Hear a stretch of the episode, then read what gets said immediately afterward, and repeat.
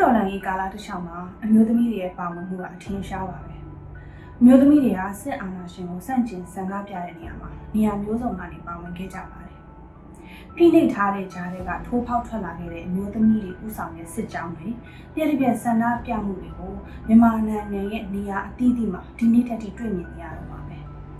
ဒါကြောင့်မို့လို့ဒီမျိုးဦးတော်လှန်ရေးဟာဆိုရင်စစ်အာဏာရှင်စနစ်ကိုစန့်ကျင်တွန်းလှန်လိုကြတဲ့အလွှာအသီးသီးကပြည်သူတွေကိုသွေးစည်းစေခဲ့ရမှာက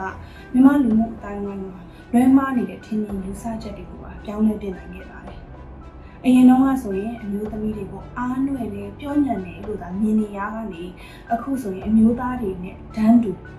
တတိရှိစွာခိုင်မာစွာရင့်ကျက်စွာနဲ့စစ်အာဏာရှင်ကိုတွန်းလှန်နိုင်ကြတယ်လို့ပြောင်းလဲမြင်လာခဲ့ကြပါပြီ။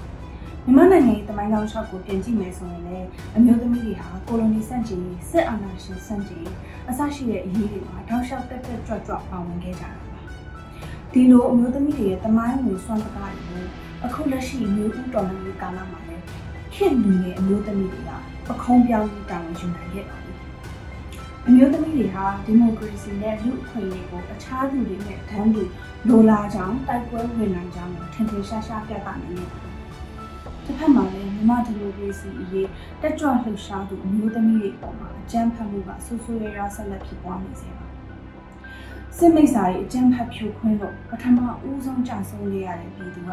မမြတွတ်တွက်ခိုင်းလို့ခေါ်တဲ့အမျိုးသမီးငယ်လေးတစ်ယောက်ပါ။ဒါအပြင်မန္တလေးလမ်းမထံမှာဦးကောင်းကိုကြီးထိမှန်ပြီးကြဆုံးခဲ့တဲ့မတ်ကျင်းစင်44လမ်းမှာစစ်မိတ်စာရေးလက်ထက်အဖမ်းမခံနိုင်လို့ တိုက်ပေါ်ကနေခုံချအသေးခံသွားခဲ့တဲ့မတ်ဝေဝေမြင့်မြင်းဒီကုန်းကုန်းတရာအောင်မှာလမ်းမထက်ကိုအတင်းဆွဲချပြီးတနက်နဲ့ပြစ်တက်ခံခဲ့ရတဲ့သူနာပြုဆရာမလေးမခင်ခင်ကျွဲအစသဖြင့်အများကြီးပါပဲအာနာသိန်းစာ February 1ရက်နေ့ကနေ November 30ရက်နေ့အထိကြာဆုံးခဲ့တဲ့ပြည်သူပေါင်း1300ကျော်မှာအမျိုးသမီး60ကျော်ပါဝင်နေပါတယ်။ ဒါ့အပြင်မတရားဖမ်းဆီးချုပ်နှောင်ထားခံရတဲ့ပြည်သူတွေကြားထဲမှာလည်းအမျိုးသမီးတွေအများအများကိုပါဝင်နေတာပါ။အမျိုးသမီးတွေကိုစပြီးဖမ်းဆီးစဉ်ကလေးကအမျိုးသမီးရဲမိနဲ့ဖမ်းခိုင်းတာမျိုးမဟုတ်ပဲ။အမျိုးသားရဲများကအလွန်အကျူးအကြမ်းဖက်တဲ့ပုံစံမျိုးနဲ့ဖမ်းဆီးတာမျိုးရှိခဲ့ပါတယ်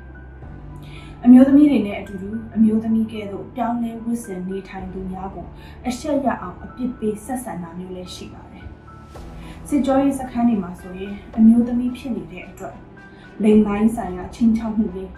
လိမ်ပိုင်းဆိုင်ရာစော်ကားနှောက်ယှက်မှုတွေကိုလည်းကြုံတွေ့ခဲ့ရတယ်လို့ပြန်လည်လွမြောက်လာသူများကပြောပြချက်အရသိရပါတယ်။အချင်းတော်နဲ့စစ်ကြောရေးစခန်းတွေမှာနှစ်ရှည်လများချုံနှောင်ခံနေရတဲ့အမျိုးသမီးတွေရင်ဆိုင်နေရတဲ့နောက်ထပ်ပြဿနာတစ်ခုကတော့ကျန်းမာရေးဆိုင်ရာအမျိုးသမီးတကူရေးသုံးပစ္စည်းများကိုလုံလုံလောက်လောက်မရရှိခြင်းပဲဖြစ်ပါတယ်။ မိသားစုနဲ့အဆက်အသွယ်မရတဲ့အမျိုးသမီးတွေအတွက်တော့ဒီပြဿနာဟာတော်တော်ဆူဆူရွာရွာပါပဲ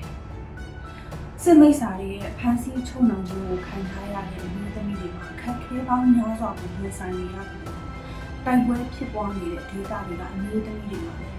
စစ်မိတ်စာတွေရဲ့လိမ်ပိုင်းဆိုင်ရာအကြမ်းဖက်ခြင်းနဲ့ရင်ဆိုင်နေရတယ်။မတိန်ကျင်ခြင်းကိုစစ်လက်နက်တစ်ခုတစ်ခုအသုံးပြုတဲ့စစ်ကောင်စီတပ်သားတွေဟာတိုင်းရင်းသားဒေသကအမျိုးသမီးတွေပေါ်မှာ လိမ်ပိုင်းဆိုင်ရာအကြမ်းဖက်မှုတွေကျူးလွန်ခဲ့တာဟာနှစ်ပေါင်းများစွာကြာခဲ့ပါပြီ။စက်တင်ဘာလ26ရက်နေ့မှာစကိုင်းတိုင်းကဏီမြို့နယ်ကအသက်14နှစ်ကနေ45နှစ်ကြားရှိတဲ့အမျိုးသမီး၄ဦးကိုစစ်ကောင်စီတပ်တွေကအုပ်စုဖွဲ့မတိန်ကျင့်မှုဖြစ်ပွားခဲ့ပါတယ်။စက်တင်ဘာ29ရက်မှာလည်းချင်းပြည်နယ်မင်းတပ်မြို့မှာစစ်ကောင်စီတပ်သားတွေကအဲဇင်းစစ်ဟန်ဆောင်ပြီး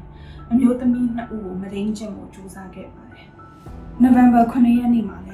ရှမ်းပြည်နယ်ကုတ်ခိုင်မြို့နယ်နမ်ဖလွန်ကျေးရွာနေအသက်62နှစ်အရွယ်အမျိုးသမီးတဦးအပေါ်မှာအဓမ္မကျင့်မှုတစ်ခုဖြစ်ပွားခဲ့ပါတယ်။ November 17ရက်နေ့ည10:00နာရီခွဲခန့်မှာလည်းချင်းပြည်နယ်တီးတိမ်မြို့နယ်အလဲကျွေးရွာမှာနေတဲ့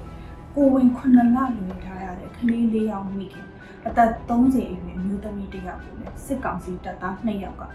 အကြိမ်ကြိမ်အဓမ္မပြုကျင့်ခဲ့ပါတယ်။ဘယ်လိုပဲအကြမ်းဖက်မှုတွေရှိနေပါစေ ဘယ်လိုပဲဖိနှိပ်မှုတွေရှိနေပါစေမြန်မာဒေသအသီးသီးကအမျိုးသမီးတွေဟာလူအခွင့်အရေးနဲ့မြန်မာနိုင်ငံဒီဒီမိုကရေစီရရှိရေးအတွက်မြို့ဦးတော်လှန်ရေးမှာဆက်လက်အောင်ဝင်တိုက်ပွဲဝင်နေကြအောင်ပါမြမနွေဦးတော်လှန်ရေးကာလကြားကတိုက်ပွဲဝင်အမျိုးသမီးတွေရဲ့အာမန်ကိုလေးစားအကုန်ပြုနေအမျိုးသမီးတို့အတွက်တရားမျှတမှုကိုခေါ်ဆောင်ကြရအောင်အေးတော့အောင်ရမယ်